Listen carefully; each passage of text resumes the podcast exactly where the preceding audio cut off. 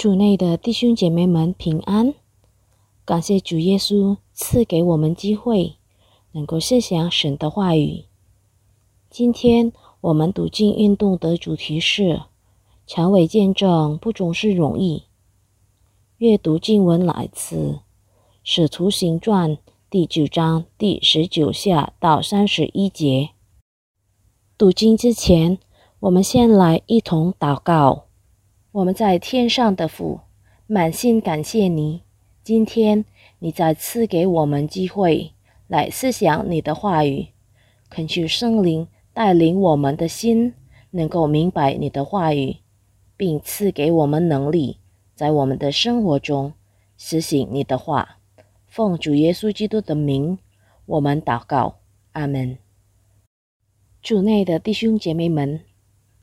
在往大马士革城的途中，与主耶稣相会，彻底改变了扫罗的人生。离开耶路撒冷的时候，扫罗恨恶嫉妒跟随者；然而进了大马士革城，扫罗却成了嫉妒跟随者。他成为一位心里火热、见证耶稣是弥赛亚的人。这转变。使住大马士革城的犹太人莫名其妙意识到扫罗身上的改变，他们很恼怒，蓄意杀害扫罗。但是，嫉妒跟随者们帮助扫罗离开大马士革城，回到耶路撒冷。可惜，耶路撒冷的嫉妒跟随者们怀疑扫罗，因为他们知道。扫罗过去是逼迫基督跟随者的，在这样的局势中，巴拿巴向使徒们解释了关于扫罗生命之改变，以致扫罗的来到被接纳。这当然要归功于巴拿巴。可是外来的犹太人，就是通希腊语。而不掌握希伯来语的犹太人，便驳述了以后，很生气，要杀害扫罗。因此，耶路撒冷教会的会友为了保护扫罗，把他送到开撒利亚，打发他回原来居住的大树城。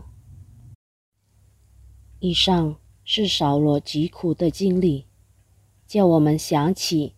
主耶稣在路加福音第九章第二十三节说的话：“若有人要跟从我，就当十级，天天背起他的十字架来跟从我。”对扫罗而言，他所领受的救恩是何等宝贵！为此缘故，他宁愿被拒绝，甚至。被不能接受他见证的人们威胁和杀害。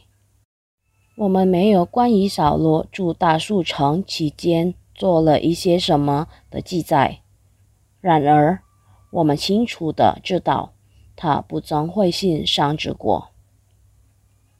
从本书十三章开始，我们将读到关乎扫罗以后被称为使徒保罗的。宣教旅程记录，亲爱的主内弟兄姐妹们，您曾否发挥过身为基督见证人的功能？您曾经向别人见证过你蒙恩得救的经历吗？在见证基督时，你是不是曾经被拒绝？或者得着消极的回应呢？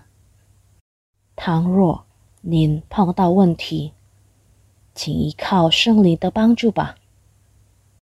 我们来低头祷告。我们在天上的父，若今天我们得了救恩，都不是个人的能力，而是你的恩典。你来找我们罪人。恳求你帮助我们一生都为主而活，赐给我们能力，见证主耶稣的爱。奉主耶稣的名，我们祷告，阿门。主内的弟兄姐妹们，我们来为主耶稣见证他所有的慈爱，为主耶稣而活。上帝祝福你们，我们下次再见。